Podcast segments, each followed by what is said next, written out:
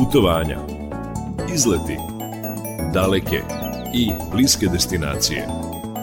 Četiri strane sveta na jednom mestu. Peta strana sveta.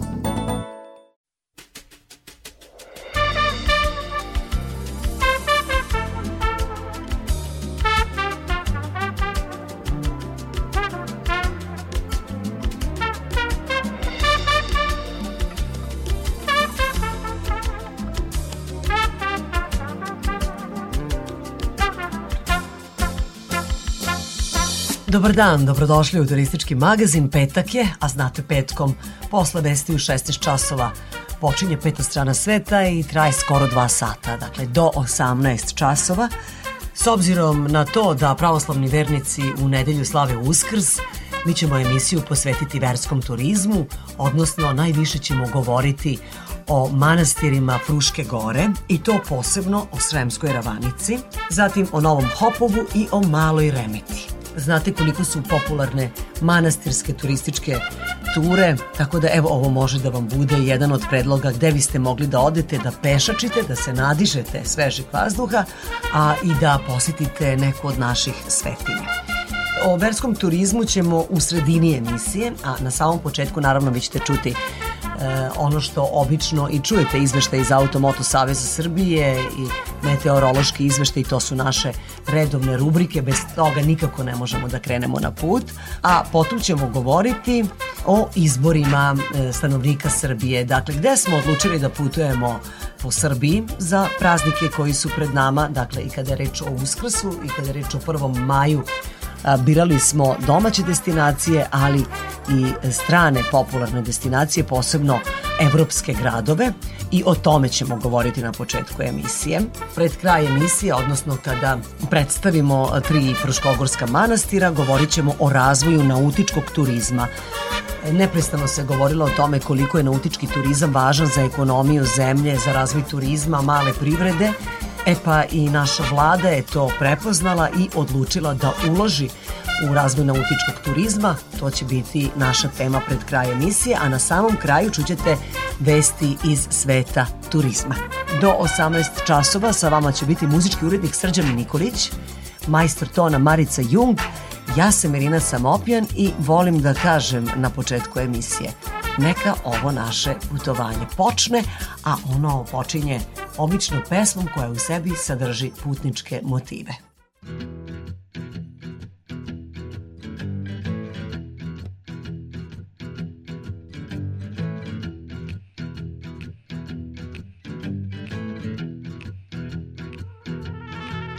Well, I'm so tired of crying, but I'm out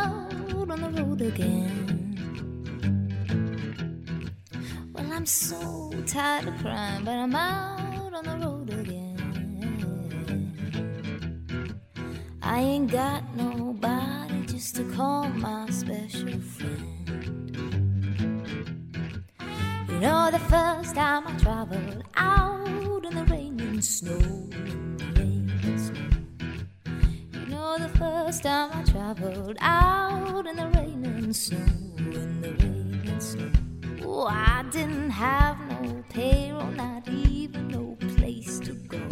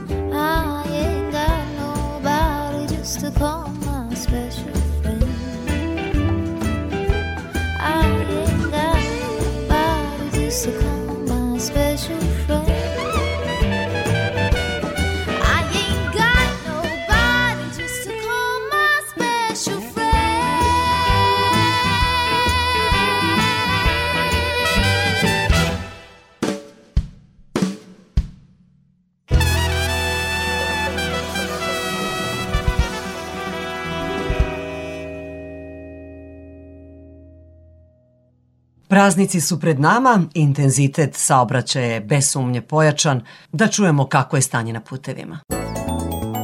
Izveštaj iz Automoto Saveza Srbije.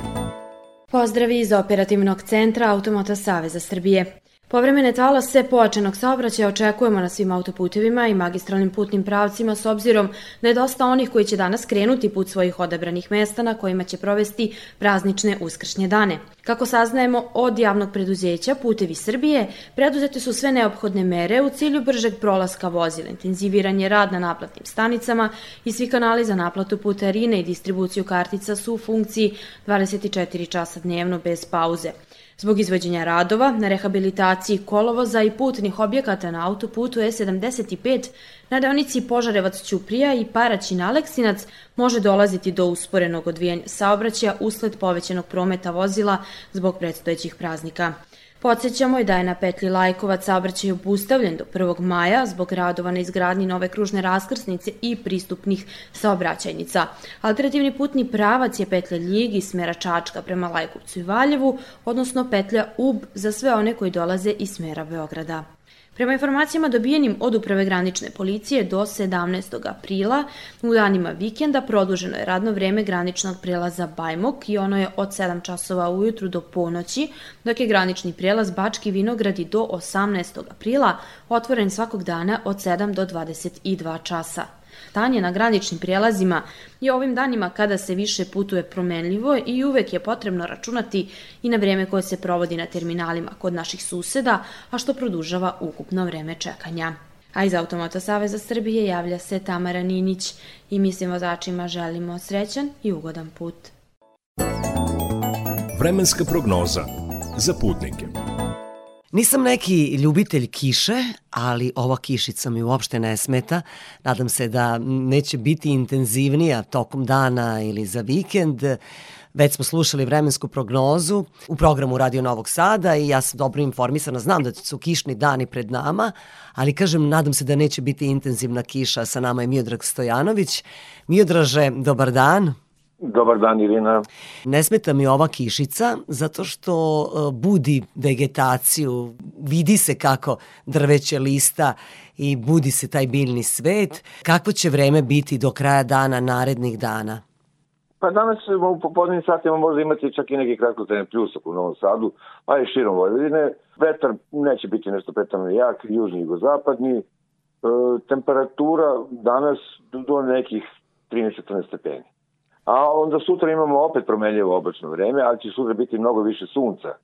I u pojedinim mestima će biti i suvo. To se odnosi na, na Vojvodinu. Kiša ili, ili kako da nam to će još biti onako, što mi meteorolozi kažemo, mestemično.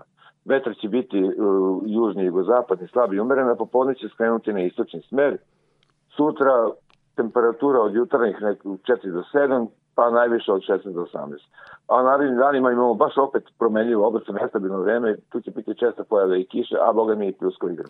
Pravo proleće, nema šta. Pravo, E, žao pravo. mi je, mnogim ljudima je žao što su takvi dani pred nama, jer evo u turističkom magazinu možemo da pomenemo, s obzirom na to da imamo vremena, idealna prilika da se negde prošetamo, da nešto vidimo, obiđemo, imamo prelepe destinacije u Vojvodini, poput Carske bare, Zasavice, pa Gornje Podunavlje, što da ne, otići u Zološki vrt e, na Paliću i tako dalje. Manastirske ture su takođe veoma popularne. Mnogo je želja, ali malo mogućnosti u danima pred nama. Šta vi kažete? Hoćete li vi To- biti u prilici da odete negde? Pa ja neću moći zbog posla, ali o, ljudi koji su slobodni mogu da prošetaju, im postoje naprave koje se zovu kišobrani. Ili tako, kabanice, neke- još bolje kabanice. I onda se lepo prošetaš, malo ako prsne neka kap kiše, neće biti strašno. Hvala vam Miodraže na savetu. Hvala. Dakle, otvoriti kišobran, obući kabanicu nije, Tako nije je. loše i krenuti u akciju. E, Tako je. Želimo vam sve najbolje Takođe. za predstojeće praznike i da Vaskrs dočekate u krugu porodice srećni, zdravi i nasmene. Hvala, ne takođe. Sve najbolje našem Miodragu Stojanoviću. Ostanite uz Radio Novi Sad.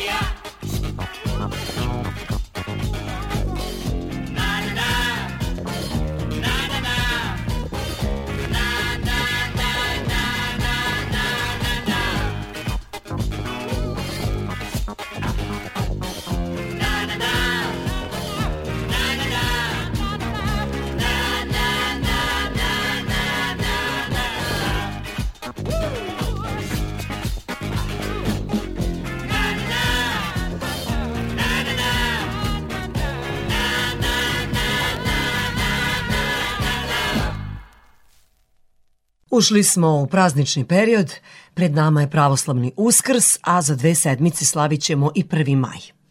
Koje destinacije smo birali u zemlji, a koje u inostranstvu? I gde će boraviti strani turisti koji posete Srbiju? Uskoro ćemo o tome, ostanite uz Radio Novi Sad.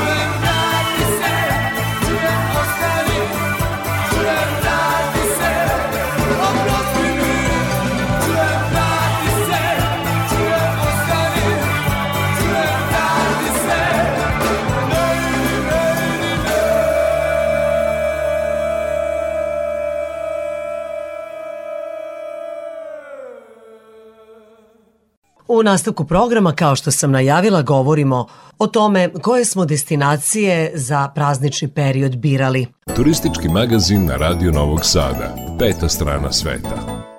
Na osnovu informacija koje je Turistička organizacija Srbije dobila od pružalaca smeštaja na domaćim destinacijama, interesovanje za posjetu naših turističkih centara za uskršnje i prvomajske praznike veoma je veliko. Direktorka turističke organizacije Srbije Marija Labović kaže da su hoteli u banjama i na planinama popunjeni od 90 do 95 odsto. Na prvo mesto tu mislimo na Vrnjačku banju, na Soko banju, na Koviljaču takođe, Prolom i Lukovska, takođe i Zlatibor, Koponik, oni očekuju nekdo oko 50% popunjenosti u proseku u hotelima, ali e, kako su krenule rezervacije, očekuje za prvi maj da će to biti još više. Ona ističe da domaći turisti najčešće biraju da putuju u banje i na planine, dok je interesovanje stranaca najveće za gradove i to najviše za Beograd, Novi Sad, Suboticu i Niš. Za ove praznike najčešće dolaze inostrani turisti iz regiona, to mislim na turiste iz bivših jugoslovenskih republika i Severna Makedonija i Bosna i Hercegovina, Crna Gora takođe, i Slovenije i Hrvatske. Takođe su destinacije primetile da i komšije iz Mađarske, iz Rumunije, iz Bugarske su već poslali dosta najava i ono što je isto interesantno za naše banje, znači u južnom delu Srbije su ovo interesovanje velika i od turista iz Grčke. Direktorka turističke organizacije Srbije Marija Labović kaže da su cene u nekim našim turističkim centrima poskupele, ali prema njenoj oceni u poređenju sa drugim zemljama, Srbija još važi za destinaciju koja ima dobar odnos cena i kvaliteta ponude. Peta strana sveta. Radio Novi Sad.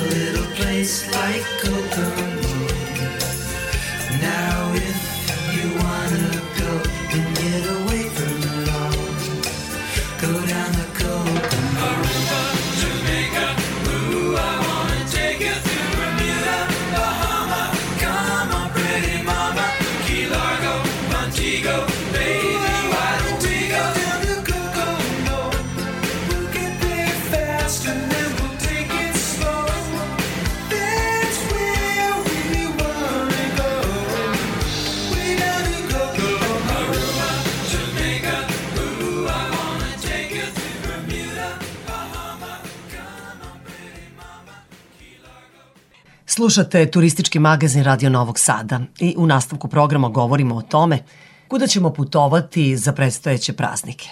Peta strana sveta.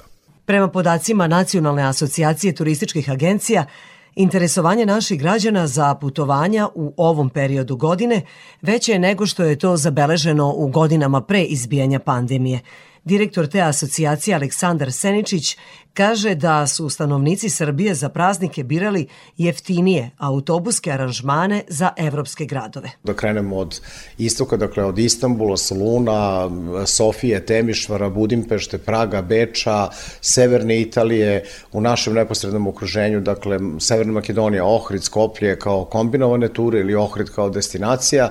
Crna Gora je takođe u ovom periodu godine vrlo zanimljiva i sever Crne Gore, ali i obala Crne Gore.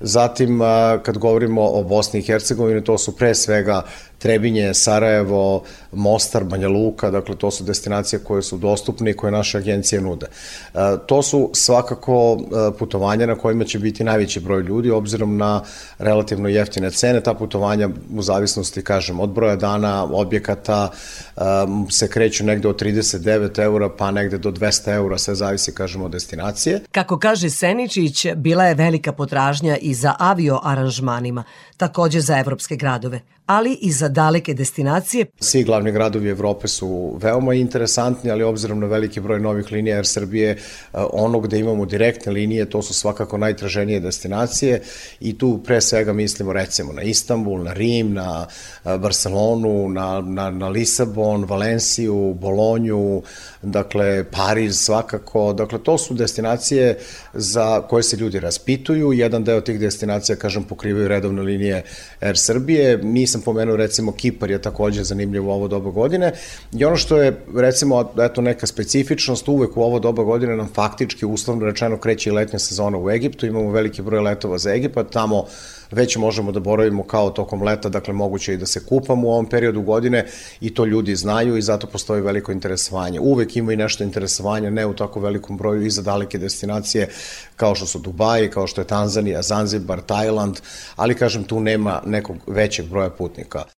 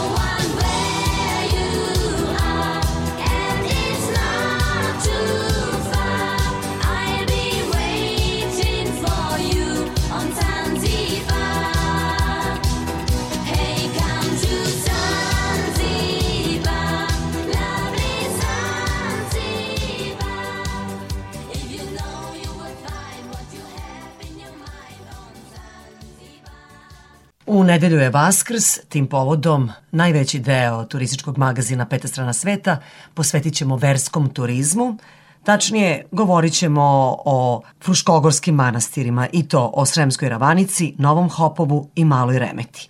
Uskoro o tome.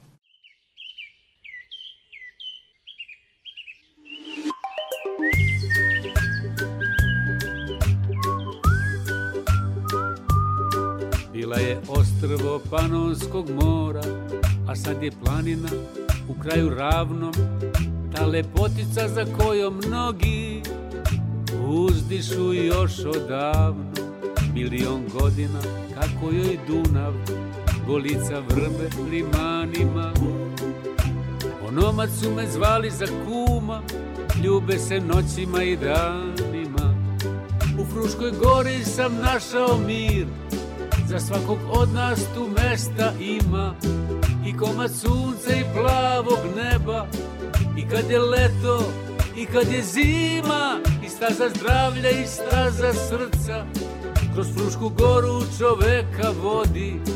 Da nađe drvo svog života. I da se ponovo ko čovek rodi. Jedna monahinja tu iz Jaska. Reče mi da je ta gora zlato a nije mislila na zlato, već na blago od Boga dato. Ne mogu ničim da se mere, stari hrastovi i ljubičice, ne mogu ničim da se kupe, mesta gde jelen ogleda lice. U Fruškoj gori sam našao mir, za svakog od nas tu mesta ima, i komad sunca i plavog neba, kad je leto, i kad je zima, i staza zdravlja, i staza srca, kroz Frušku goru čoveka vodi, da nađe drvo svog života i da se ponovo ko čovek rodi. Jednom sam pitao orla krstaša, što stalno kruži iznad Srema, a on mi kaže da lepše kraja od Fruške gore na svetu nema. Zato u Karlovcima pijem vina U slankamenu šarane pecam. Siriškog venca brojim zvezde I samo dobrih stvari se sećam. U Fruškoj gori sam našao mir. Za svakog od nas tu mesta ima. I koma sunca i plavog neba. I kad je leto i kad je zima. I staza zdravlja i staza srca kroz Frušku goru čoveka vodi Da nađe drvo svog života I da se ponovo ko čovek rodi I da se ponovo ko čovek rodi.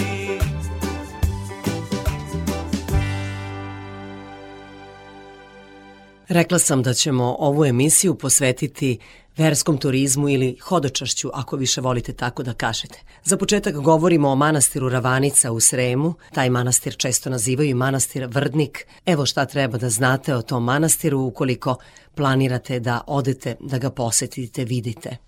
Radio Novi Sad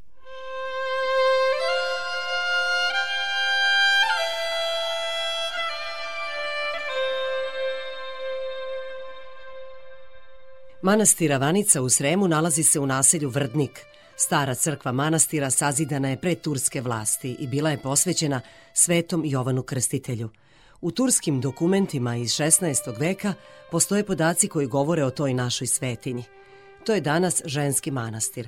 Ima i gumaniju i duhovnika, koji je ujedno i namestnik manastira. Oca Pajsija, koji je bio naš sagovornik.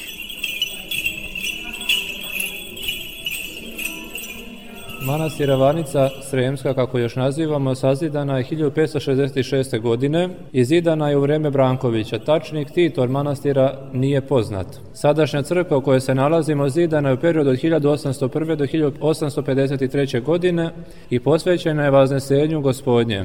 Manastirski ikonostas radili su Dimitrije Avramović i Marko Vujatović. Prvobitni manastir bio je posvećen svetome Jovanu Krstitelju. Manastir Ravanica je jedan od tri manastira koja za vreme ratova nisu rušeni. Manastir Beočin, manastir Krušedol i manastir Ravanica su sačuvani, ali su zato bili bolnice za decu ometene u razvojima.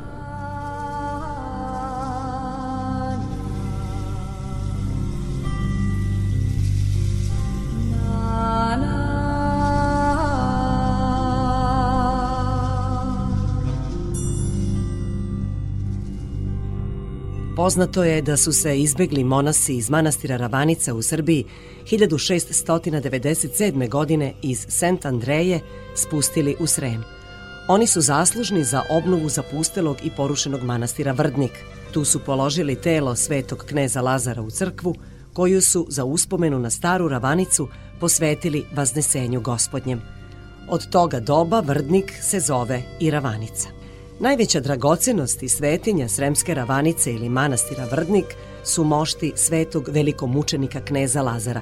Priča nam otac Pajsije. Moši cara Lazara su ovde donete sa seobom Srba 1690. godine i počivale su ovde, kažemo, oko 180 godina. Potom su opet vraćene u jednom periodu, tačno ne bih znao da kažem koja je godina, a za vreme drugog svjetskog rata 1945. kada je prijetila opasnost manastiru, prenete su u manastir Bešenovo, zatim iz manastira Bešenova u sabornu crkvu u Beograd, a potom u njegovu zadužbinu manastira Vanicu Koćuprije da bi eto manastir Ravanica Vrdnička gde su mošti njegove počivali imala blagoslov 1989. godine po blagoslovu episkopa našeg Vasilija u manastir Ravanicu je donet deo moštiju, to jest deo ključne kosti svetoga velikomučenika cara Lazara.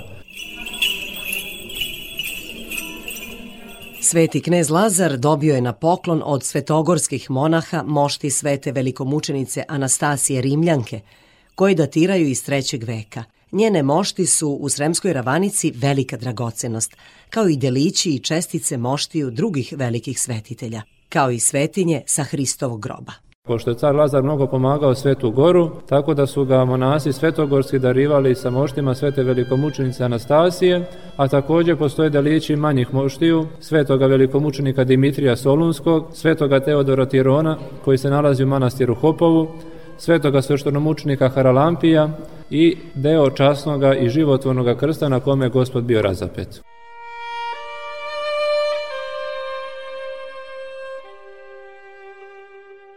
Mi sad kad pogledamo čivut Svete Anastasije, on je malen. Tu je samo čestica, čestica moštiju se nalazi u tom čivotu. Znači, tu deo mal, mali, i kao i Svetog Teodora Tirona i Haralampije, Svetog Dimitrija, to su sve male čestice moštiju. A najveći deo se nalazi na Svetoj gori, tamo ima do, ovaj, veliki deo njenih moštiju. U manastiru Grigorijatu. U Ravanici u Vrdniku poznata je i čudotvorna ikona koju nam je pokazao otac Pajsije. Znači 10 dana bez prestanka je plakala, 90. godina, da. 90. godina? 90. godina, jeste tačno kada će biti bombardovanje, znači desetak dana pred to 99. je bilo, bilo i kad je bilo u Hrvatskoj. 92. 92. Oluja kada je isto bilo da mi je zovemo ikona Ravanička carica. A, A da. to je ikona Majke Božje. Ikona Majke Božje, da. I to, to je jedna žena, je to ovaj... Kako je to izgledalo se. oči kad je ona plakala? Kako je to pa, izgledalo? Suze su tekle jedno sa unutrašnje strane. Vidite stakla, malo da, sa unutrašnje da, strane Sa unutrašnje, da vidite malo da, da ima ovaj, da... Ima vlage ispod, da vidi Ima, da.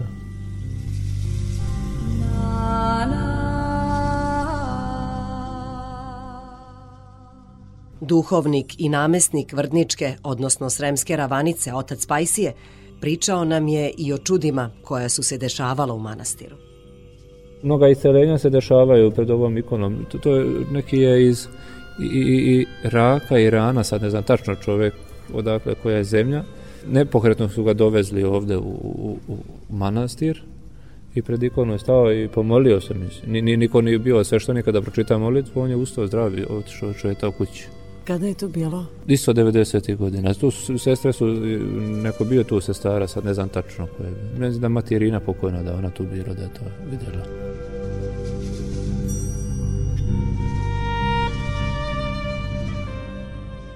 Jedan, jedan period, e, možda Sveta Anastasije nisu ovaj bile ovde, e, odnete su da bi u jedan susedni manastir, pošto je Gumanija jedna bolovala. Pa da se čitaju molitve i sad mati Irina, ta pokojna, ovaj, mati Marina čistile su crkvu i uvatili taj kovčeg i materina onako kaže pa šta diram sad taj kovčeg kad tu sveteljka nije. I u jednom trenutku samo je kovčeg počeo u ruci da joj igra.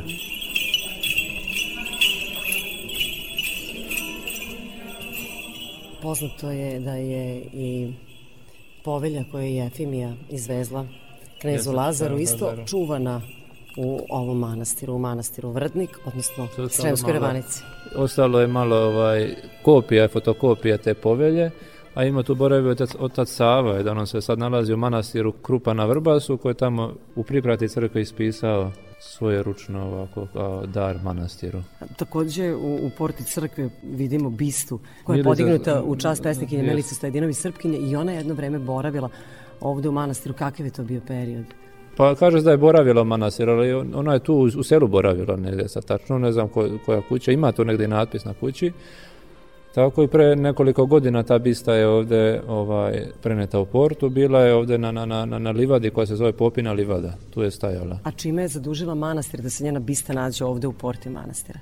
Pa prethodni duhovnik koji je bio ovdje, on je to tako odlučio da se tu ona spusti, mislim da tu stoji Milica Stojedinović Srpkinja. A da. Svakodnevne liturgije se vrše u manastiru, malo se bavimo ekonomijom, to smo zadnje vrijeme eto, povratili, pošto je bio jedan period kada su manastiri nekako zapustili sa, sa, to, sa tim bavljanjem sa stokom i sad ima malo ovaca, malo koza, imamo jednu kobilu, imali smo nedavno, do nedavno i krave, dok sam mogu dok me zdravlje služilo, pa malo srce sad popustilo, pa ne da više.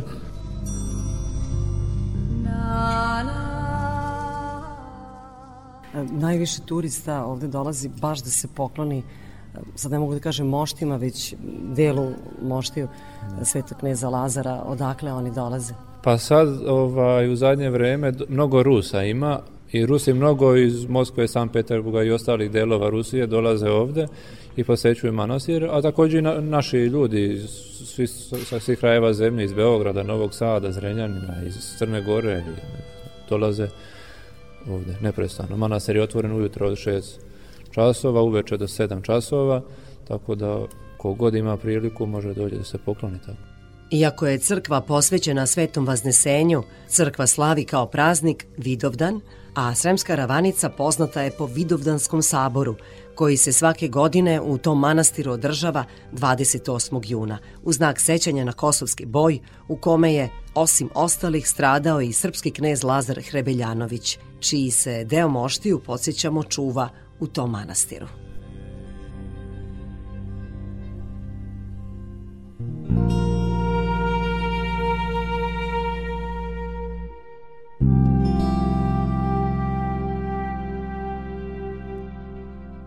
Peta strana sveta.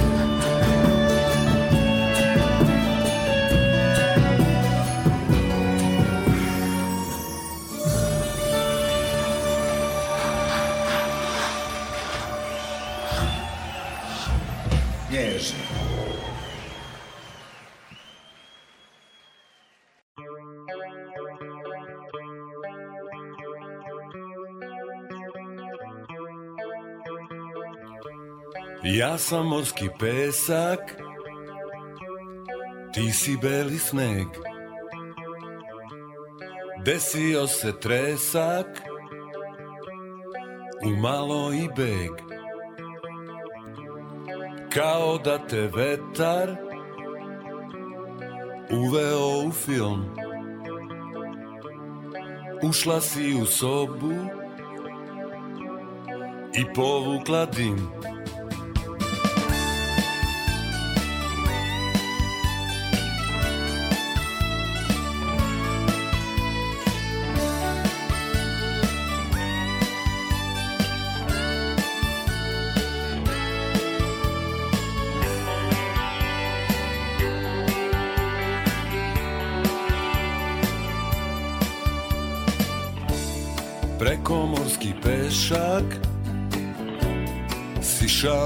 Drum.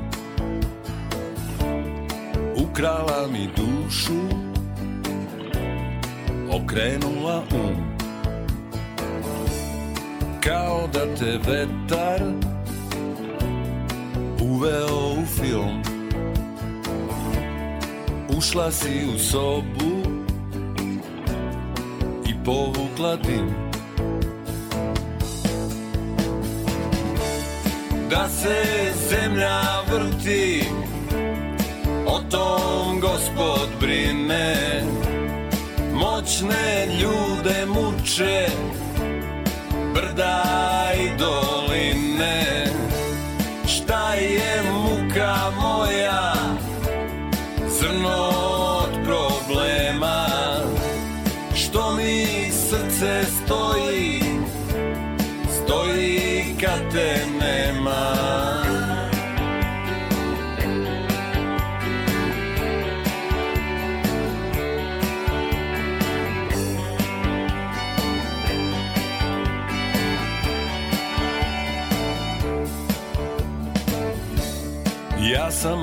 pesak Ti si beli sneg. Desio se tresak Umalo i beg. Kao da te vetar Uveo u film. Ušla si u sobu I povukla dim se zemlja vrti O tom gospod brine. Moćne ljude muče Brda i doline. Šta je muka moja? Zrno od problema. Što mi srce stoji Stoji kad te nema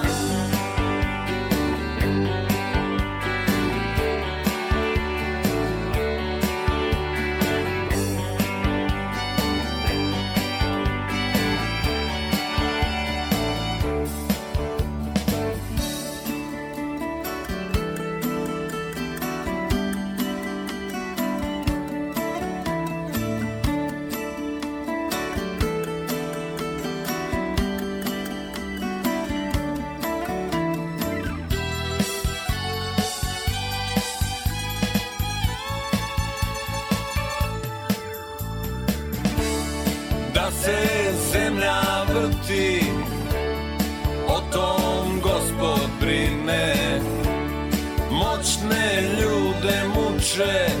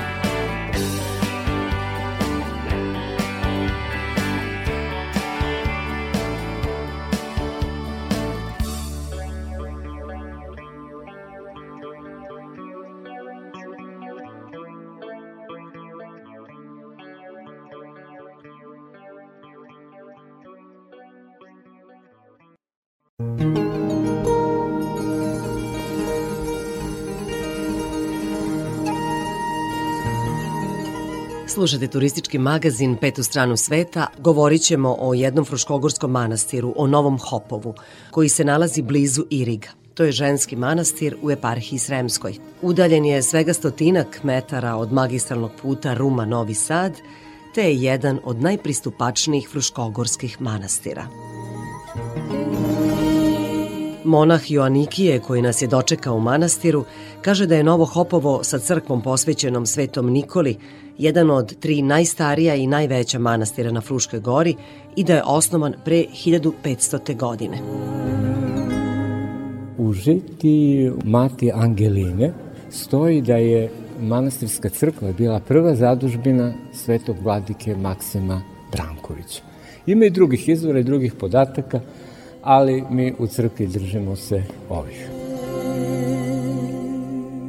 Ova crkva koju mi danas vidimo i kako danas izgleda, svoj oblik dobila je 1576. godine. Znači, jedan vek kasnije, otprilike, završena je velika obnova, a tačno 1600. počelo je oslikavanje crkve. Znači, sama crkva, freske koje vidite na zidovima, stare su više od četiri veka. Crkvu su oslikavali grčki majstori sa Krita, nažalost ne znamo njihova imena.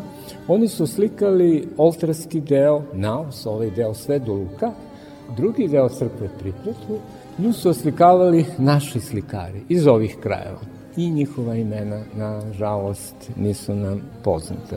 Stari ikonostas koji se nalazi ovde na istom mestu bio je rad Teodora Kračuna, najpoznatijeg srpskog baroknog slikara. Nažalost, u drugom svetskom ratu on je uništen i ovo je dosta kasnije rađena njegova replika.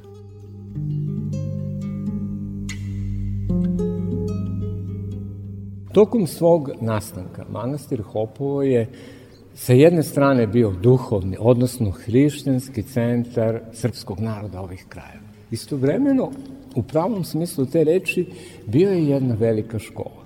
Uvek su u manastiru postojale razne škole. Prva škola je bila monaška, kasnije ikonopisačka, za freskopis, prevođene su prepisivane knjige, a tokom vekova manastirska biblioteka koja se formirala bila je najveća zbirka starih rukopisnih knjiga koja je postojala u ondašnjoj Jugoslaviji.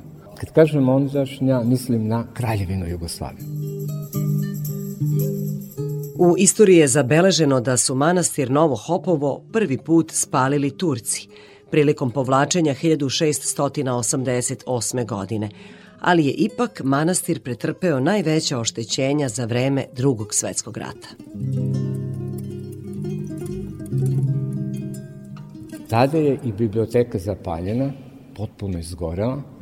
Ikonostas rad Teodora Kračuna je potpuno uništen.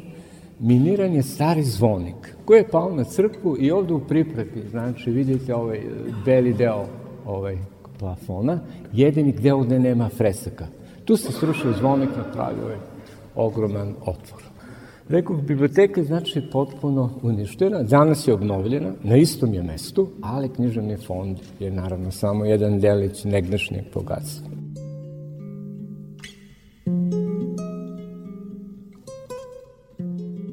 Najpoznatiji monah u dugoj istoriji Novog Hopova bio je svakako Dositej Obradović.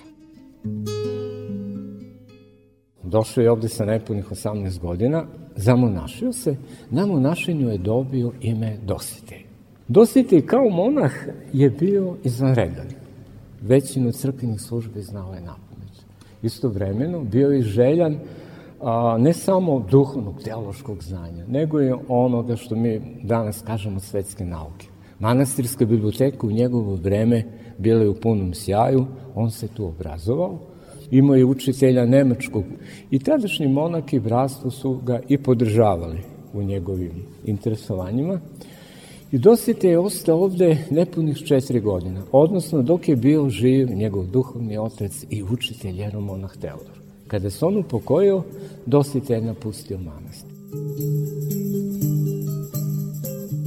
E sad, u njegovom radu, uglavnom znamo, i o tome se uči u školama, znači on je prvi srpski prosvetitelj, pisac, putopisac, pedagog, a pred kraj svog života, to je vreme prvog srpskog ustanka kad se on vraća u Srbiju, pristupa znači novo osnovanoj tada srpskoj državi koja je upravo nastaje, nastaje prva srpska uprava ili vlada, kako bismo rekli, a Dosite je prvi ministar prosvete, odnosno on je zaslužan za obnovu i ponovu vođenja škola u Srbiji. Kada su pokojio 1813. po svojoj izračitoj želji sahranjene po monaškom običaju. Celo mu je danas u porti saborne crkve u Beogradu. Znači, kao što je svoje monaško ime zadržao do kraja svog života, jer znate da monašenju čovek umire za ovaj svet, dobija monaško ime. Ako se desi poput njega da napusti manastir, obično vrati se u svet, uzmi svoje staro ime. No, dosjete je Ivan manastira nastavio da živi kao monah i zato je i zadržao svoje ime. Najveća duhovna svetinja u manastiru Novo Hopovo su mošti svetog Teodora Tirona. Monah Ionikije ispričao nam je o velikom žrtvovanju tog svetitelja koga danas slave svi hrišćani. Teodor je ime svetitelja, Tiron nije prezident, no na latinskom znači vojnik. Bio je vojnik u Rimskom carstvu. I 306. godine, jako davno, pre više od 1700 godina, jel da? U jednom od zadnjih progona hrišćana u Rimskoj imperiji, uhvatili su i svetog Teodora i budući da on kao hrišćanin nije želao da se odrekne svoje vere i prinese žrtve tadašnjim rimskim bogovima, zaštitnicima carstva, kako su to rimljani verovali, grozno su ga mučili i ubili ga tako, bacevši ga u ogroman plamen. I kad je sve to prošlo, hrišćani onog vremena uzeli su telo Teodora i časno ga sahranili. Ali, ubrzo na njegovom grobu dešavala su se mnoga čuda, iscelenja verujućih. ljudi su uzeli njegovo telo i preneli ga u obližnu crkvu. Od tada, sam istorijat moštiju je znači duga i zasebna priča. Ali bitno je za nas da je negde oko 1600. da su mošti donešene u manastir. Grupa rumunskih monaha, sklanjajući se ispred turske vojske, verovatno došli je ovde u Novo Hopovo, doneli su sa sobom mošti. Monasi su ostali ovde do svoje smrti, ovde su sahranjeni, a mošti Svetog Teodora Tirona od tada se nalaze u ovoj crkvi. Oni su ovde, oni su u Kijotu, ovde sa vaše leve strane.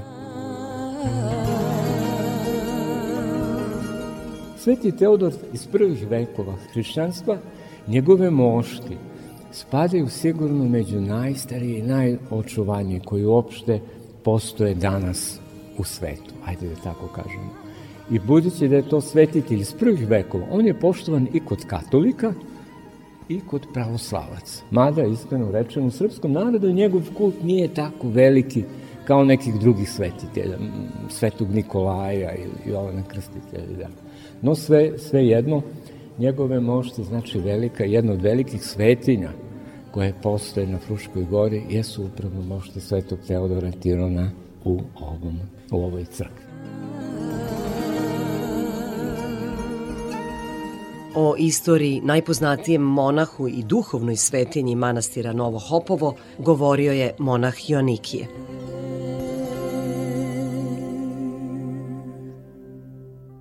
Zbog svoje arhitekture i istorije bogate kulturnim i verskim događajima, Novo Hopovo je jedan od najznačajnijih srpskih manastira. Današnji manastirski kompleks čine crkva, koja je sa svih strana okružena konacima, zatim ekonomske zgrade i ogradni zid.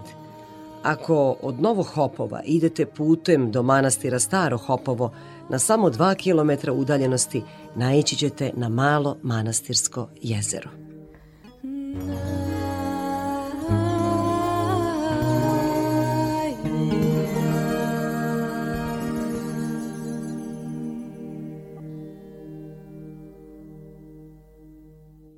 Radio Novi Sad.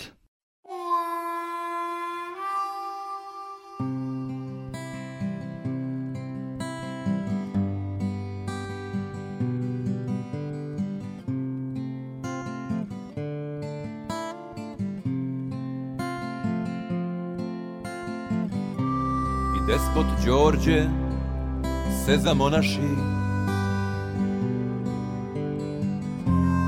Sve je manje despota i plemića. Pa narod nastavi verni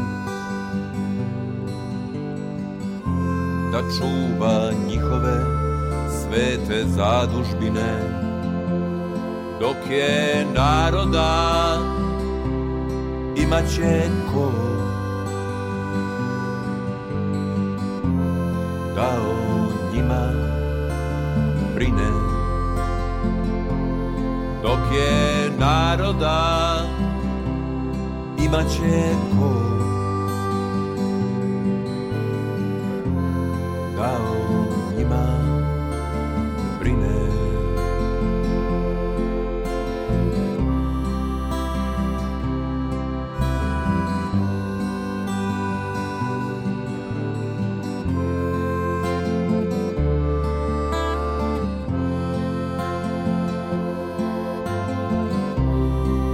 Novo Hopovo despot Đorđe diže.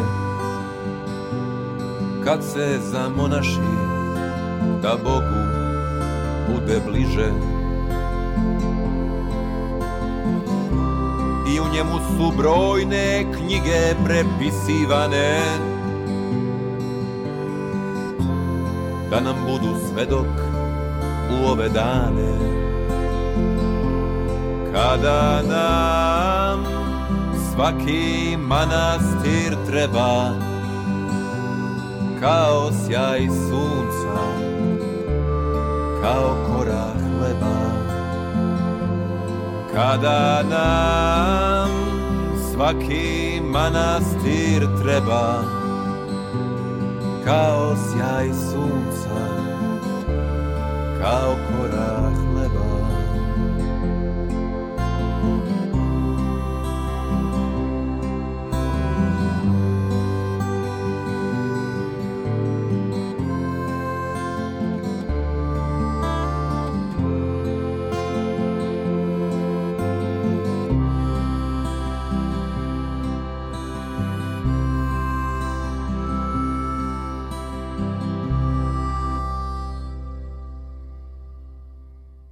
Peta strana sveta.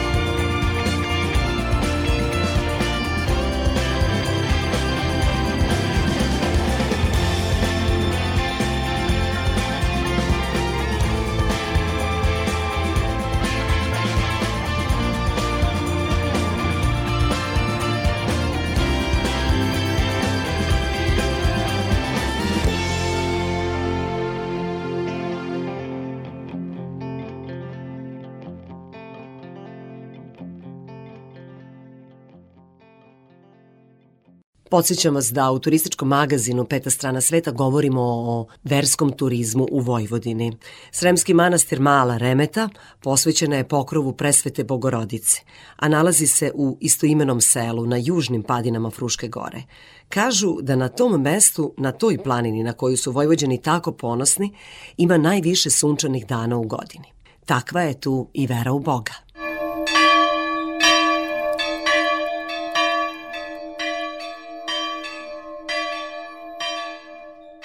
Mala remeta e, znači jedna mala pustinja, mala jedna duhovna oaza u koju se sakupljaju tihovatelji i oni koji su željni monaškoga bitistvovanja i monaškoga života. Pre svega, na to je postaknut asketizam, molitva i post, što u stvari rukovodi svako manastirsko opštežiće.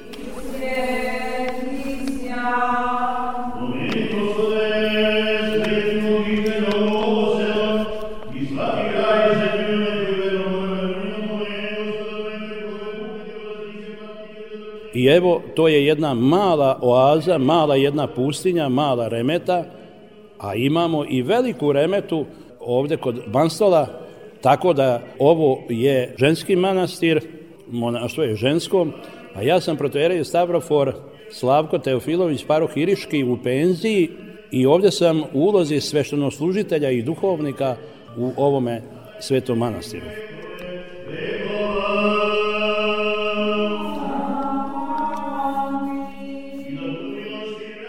Ovde su izbegli u malu remetu kaluđeri manastira Rače za vreme turskog ropstva i oni su kao i manastir Beočin, jer je ovo bio metoh manastira Beočina, jer su prvenstveno on se locirali tamo, ali su obnovili i temelje ovoga manastira, tako da mi ovde već imamo razvijen monaški život 1739. godine kada je nastao i ovaj ikonostas, pripisuje se Janku Halkozoviću.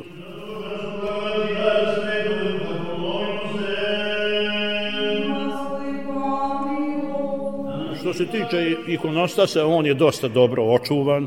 Stradao je kao i svi manastiri što su imali stradanja u toku drugog svetskog rata, tako i ovaj manastir bio poharan i stradao je. Da napomenem samo da je ktitor ovog temelja ovoga manastira monah Teoktis, a inače to je kralj Dragutin, eh, brat kralja Milutina saborom u Deževi 1282. pavši sa konja, on je vlast svoju prepustio bratu Milutinu, odrekao se praktično prestola i onda je on sa svojom princezom mađarskom Katalin zidao i zidao mnoge manastire po Bosni, Soli, Usore i tako, kao i ovde, što je u Sremu podigao malu remetu, temelje manastira, koji je tokom vremena normalno obnovili su, kao rekao, Kaluđari manastira Rače, tako da je u suštini ovde ikone su takođe, kažem, Janka Halkozovića i u, dobro, u dobrom su dosta očuvanom stanju, imaju e, takođe, normalno sve je to po zaštitom države kao i svi manastiri, sad zavisno je koga prvoga reda ili od velikoga značaja, ali uglavnom je pod zaštitom društva i države.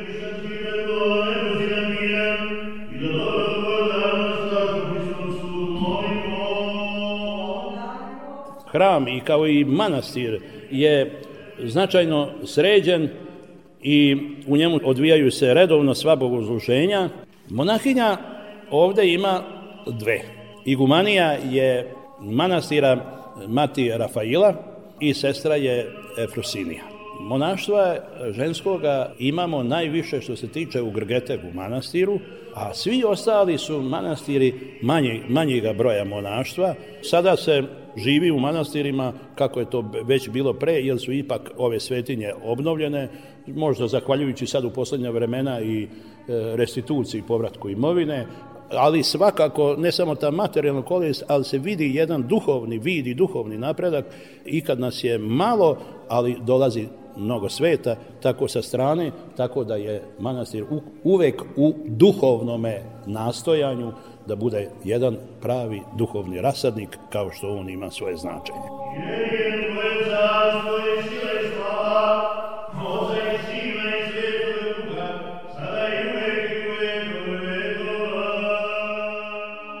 Protojere i Stavrofor Slavko Teofilović, iriški paroh u penziji, opisao nam je kako je mala remeta, manastir u kojem je on sveštenoslužitelj i duhovnik, obnavljana i ko je najviše zaslužan za to.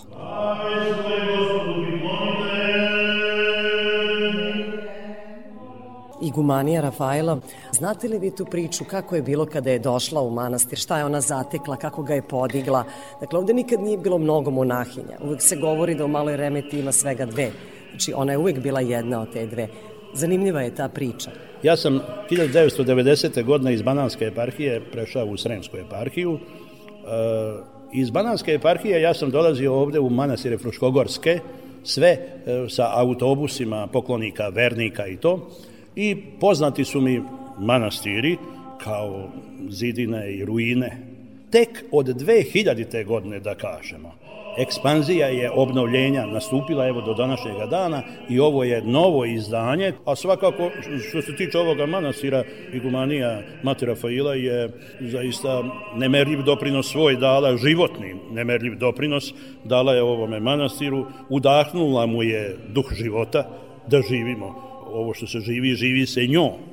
Jer e, zaista ona je ugradila ovde sebe, zajedno sa svojom majkom, sa svojom sestrom, koje su preminule, ali da kažemo svih 50 njenih godina vezano je za ovaj manastir Male Remete. Mislim da je to 1969. da je ona već došla ovde, da je 1971. možda druge godine je preuzela upravu ovde.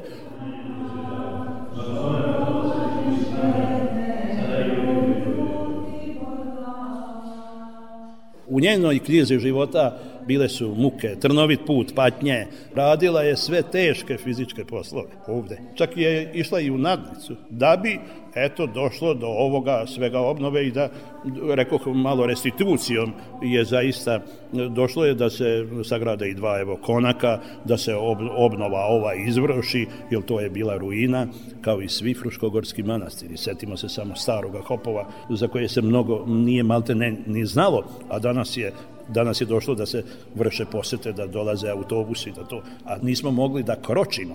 Ovde se nekako i nekako dolazilo.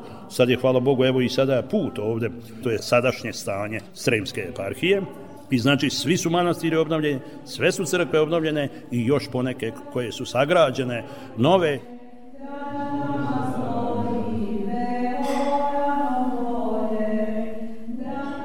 A opet su došla vremena. ta vremena da svaki manastir ima neku svoju delatnost, radinost, ne, proizvode imaju. Pa tako i ova mala remeta. E, Sad šta stiže igumanija Rafaila da radi sa, sa monahinjom? Njoj je 83 godine. Dosta je radila i sada krhoga je zdravlja, ali zato je tu sada samo sestra Efrosinija koja je evo sad već 49 godina. Ali mi i vidimo ovdje da imamo leje cveća, da je trava ošišana, da je Jeste. veoma lepo sve uređeno. Postoji stabla jabuke iza. Dolaze mladi u mobu, imamo mobu, imamo pomoć sa svih strana što se tiče toga, ali je i e, mnogo je vredna i na njoj je cela, cela težina posla sestra Efrosinija.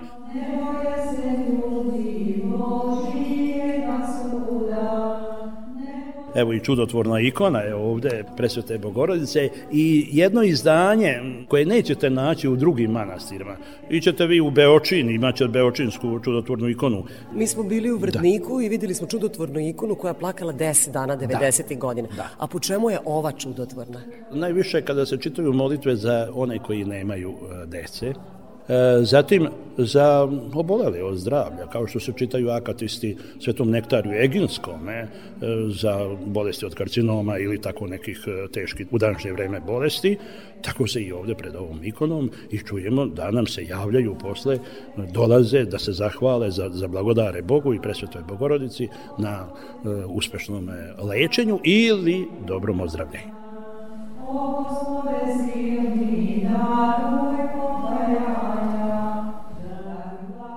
U hramu pokrova presvete Bogorodice u ovom manastiru nalaze se i čudotvorne mošti svetoga novomučenika Đorđa Kratovca, koji je 1515. godine za vreme turskog sultana Selima postradao u bugarskom gradu Sofiji. Oni su ga u stvari progonili kao hrišćanina. Da, da, da, on je bio kujundžijskog zanata, veoma lep i Turci nisu mogli podnositi da on bude hrišćanin, nego su želeli da on nosi čalmu i da se poturči. Međutim, on je to odbio i zbog toga su ga oni na lomaču stavili i on je mučenički postradao 1517. godine u svojoj 18. godini života. Ovde svake godine mi na njegov dan 24. februar po novom kalendaru, ovde se kod njegovi moštiju služi sveta liturgija i akatis se čita njemu i imamo društvo tih koji slavski kolač priređuju i sve ostalo u tu spomen.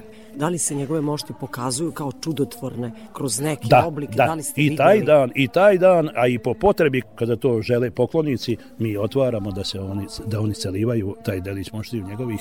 Vernici primećuju da im je bolje Apsolutno, zdravstveno. Apsolutno, da, da, da.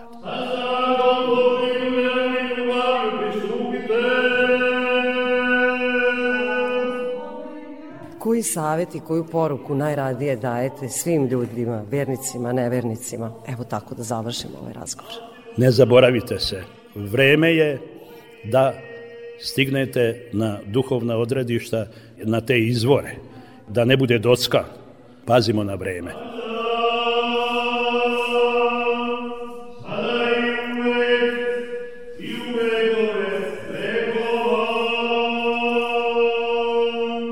Ne mislim samo na knjigu koju je pisao blaženo počivši episkop Žički Stefan, to su njegove propovedi, pazimo na vreme. Ne mislim na to, nego zaista poruka moja je mladima i svima nama hrišćanima da pazimo na svoje vreme, da nam ne bude doskan. To jeste da mislimo da se na, na vreme i molimo gospodu i presvetoj bogorodici da nam se oproste greši i da svakako živimo e, život, što bi rekao blaženo počivši Pavle, dostojan čoveka.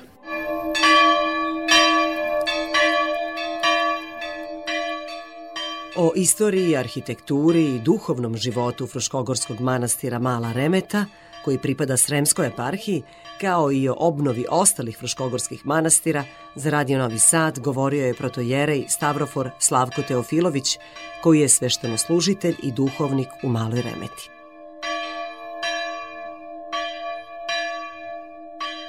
Radio Novi Sad.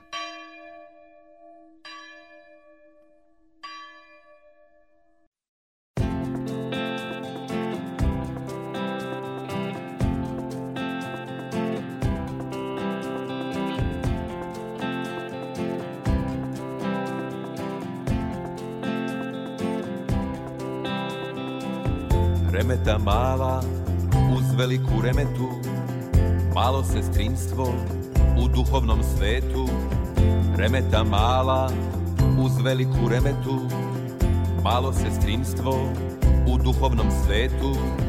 I ne trudi se da bude veća U tom što je mala neka je sreća Ostati ono što si bio Pa ćeš i Bogu biti mio. I ne trudi se da bude veća. U tom što je mala neka je sreća. Ostati ono što si bio Pa ćeš i Bogu biti mio Pa ćeš i Bogu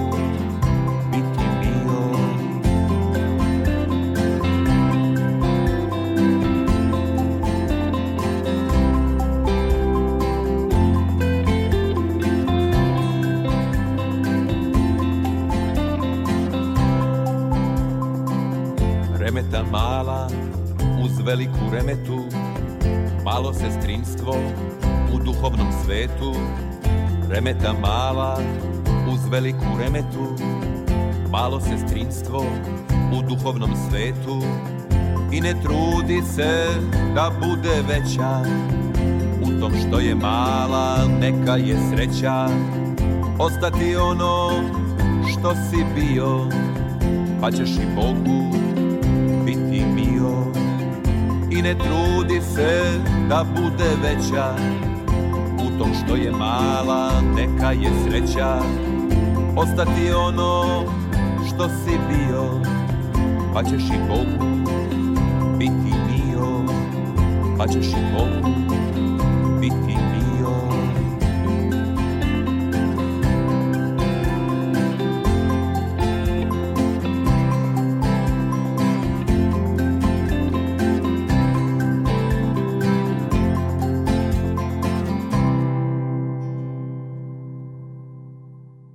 Radio Novi Sad. Ostanite uz nas, pričat ćemo uskoro o razvoju nautičkog turizma u Srbiji. Mnogo godina unatrag pričali smo o tome kako treba da posvetimo pažnju plovidbi na našim rekama, da od toga naša zemlja može da ima mnogo benefita. Država je počela da razmišlja u tom smeru. Kao što rekoh, uskoro ćemo govoriti o tome, saznaćete detalje o razvoju nautičkog turizma u našoj zemlji.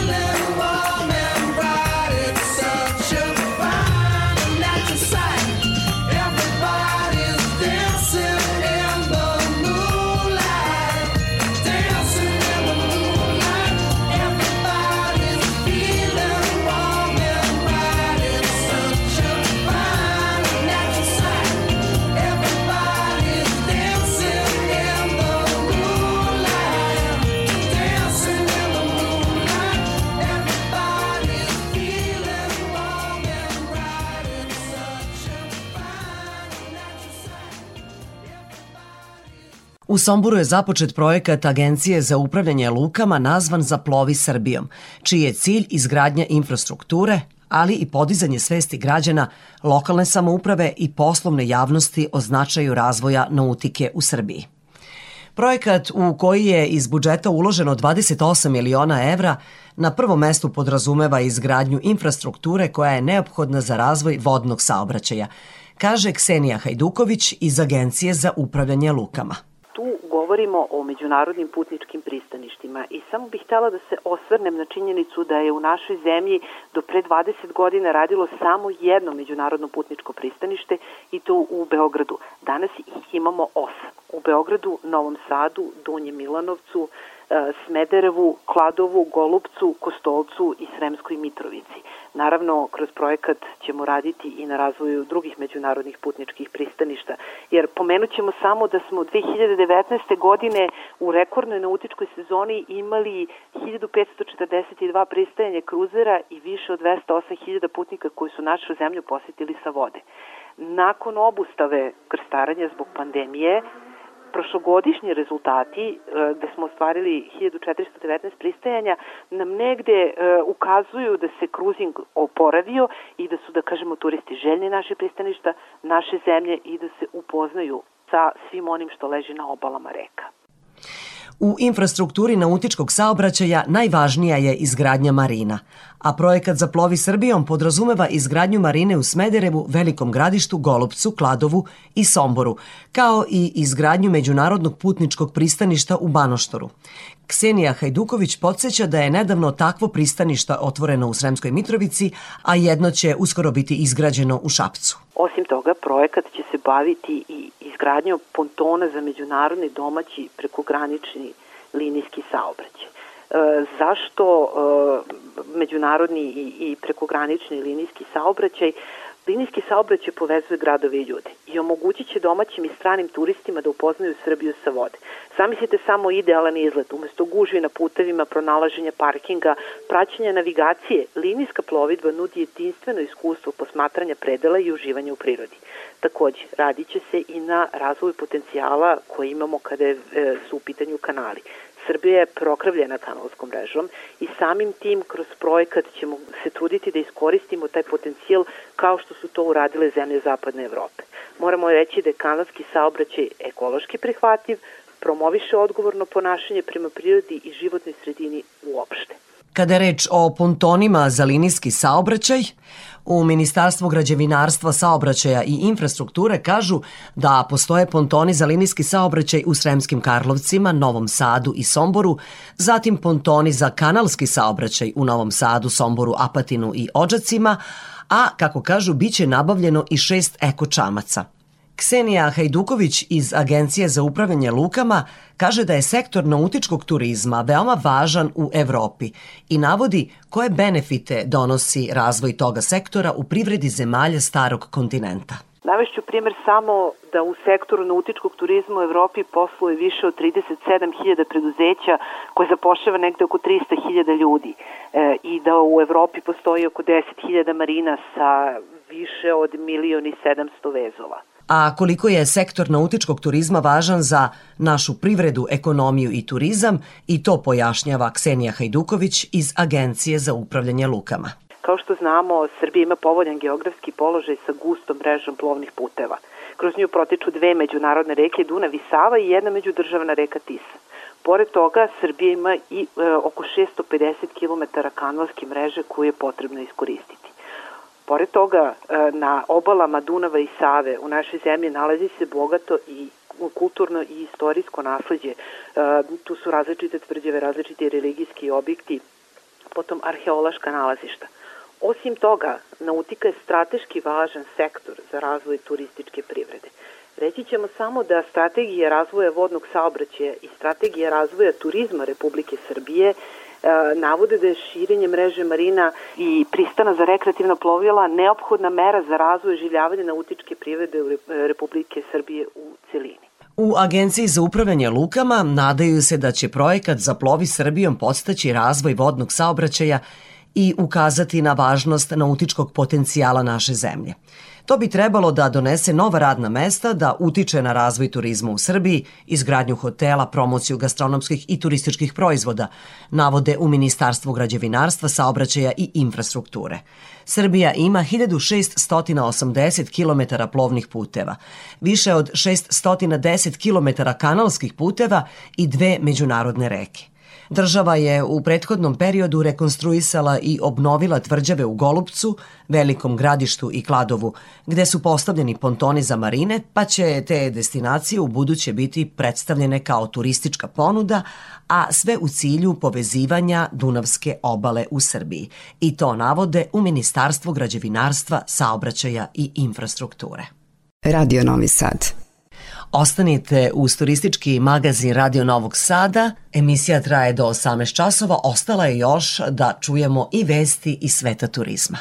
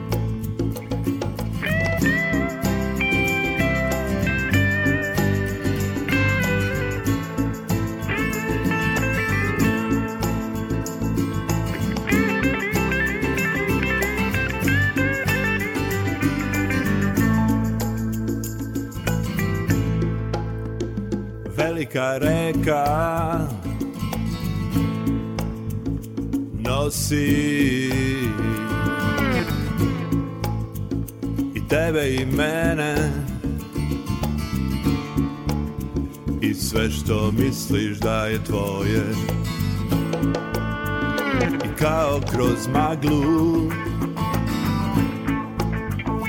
vidim ceo svoj život I kako mešaju se boje. Da li je to java ili san? Reci mi da znam skočim u korito rečno. Pitanje je večno. Da li je to java ili san? Reci mi da znam. Da li da skočim u korito rečno? Pitanje je večno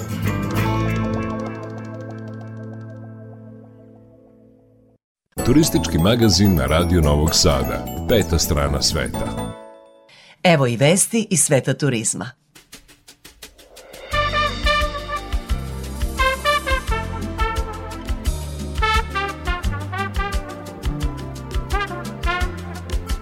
Ove godine domaća aviokompanija slavi 10 godina od kako posluje pod imenom Air Srbija. To preduzeće najavilo je uvođenje više od 20 aviolinija. Air Srbija već sutra leti za Lisabon, to je najavio viši menadžer agentske i korporativne prodaje te kompanije Boško Rupić. Lisabon kreće 15. aprila sa našim uh, uskršnjim praznicima. Ono što mogu da podelim u ovom momentu jeste da je prvi let u potpunosti popunjen, uglavnom je to tražnje s naše strane, znači iz Srbije, ljudi koji idu na uh, uskršnje praznike, takođe zatim nam slede i prvomajski praznici koji su isto onako sa jako visokom popunjenošću. Letovi će se obavljati dva puta nedeljno, utorkom i subotom a, i mislim da je ovo jako dobra prilika za naše turiste da na najbrži mogući način mogu da dođu do Portugala, da posete Lisabon. Lisabon je i Portugal je na kraju dana zemlja, ne samo zemlja futbala, već i zemlja velike kulture, sjajne gastronomije. U Lisabonu ima mnogo toga što može da se vidi. Ljudi su ranije putovali preko, sa presedanjem preko brojnih tačaka u Evropi, preko, ne znam, Frankfurta, Amsterdama, Madrida i tako dalje. I sada je, što zahteva onako celodnevno putovanje. Ono što je sada dobro jeste da praktično sa nekih 4 sata možete biti od vrata do vrata, od Beograda do Lisabona, što definitivno generiše i dodatu tražnju, što vidimo po popunjenošću naših letova za Lisabon.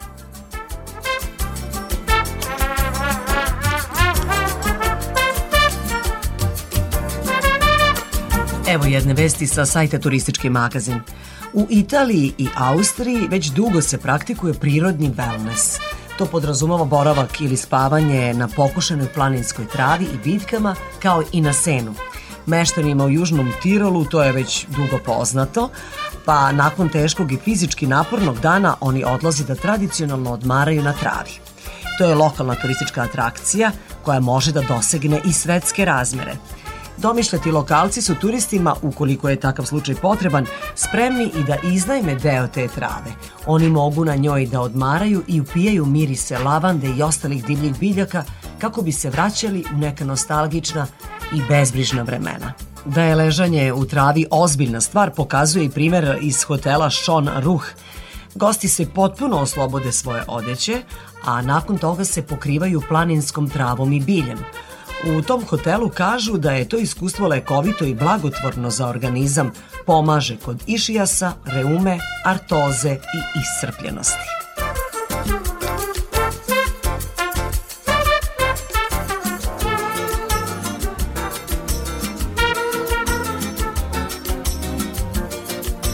Restoran Atelier Kren nalazi se u San Francisku, i slovi za jedan od najboljih restorana na svetu koji vodi čuvena šefica Dominik Kren. Ona je pre nekoliko godina donela odluku da ne služi meso u svom restoranu kako bi dala doprinos borbi protiv nehumanog uzgoja životinja. Zbog toga je sada odlučila da na meni uvrsti meso iz laboratorije, a ne sa farmi. Dominik Kren u saradnji sa kompanijom Upside Foods – Na meniju ima piletinu uzgajanu u laboratoriji za koju tvrdi da je bolja od prave piletine koja se trenutno nalazi na tržištu. Na tako odvažan korak šefica Kren odlučila se jer je shvatila da je meso osnova ishrane za više od 90% ljudi širom sveta. Meso uzgajano u laboratorijama može u velikoj meri da pomogne u borbi protiv nehumanog uzgajanja životinja, takođe i u borbi protiv zagađenja planete. Mišljenje je šefice restorana Atelier Krem.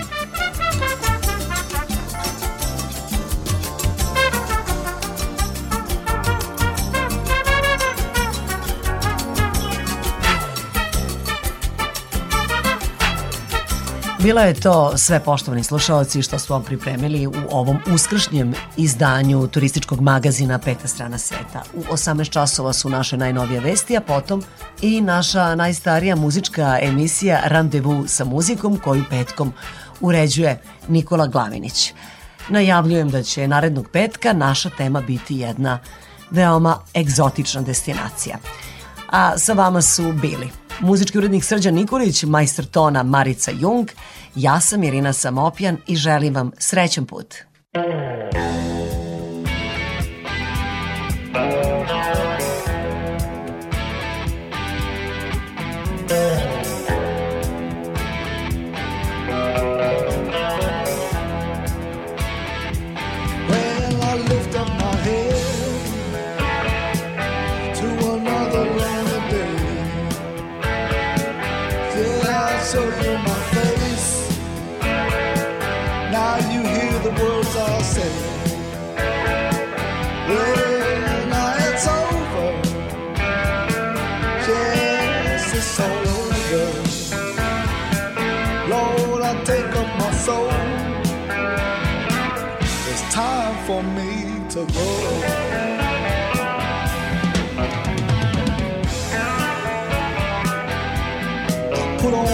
shirt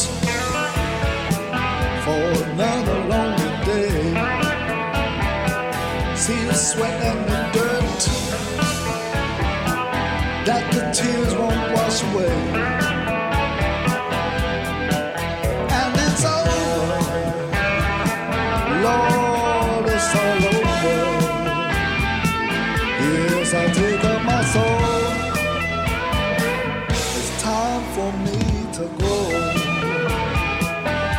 Yes, I'll tell you it's over.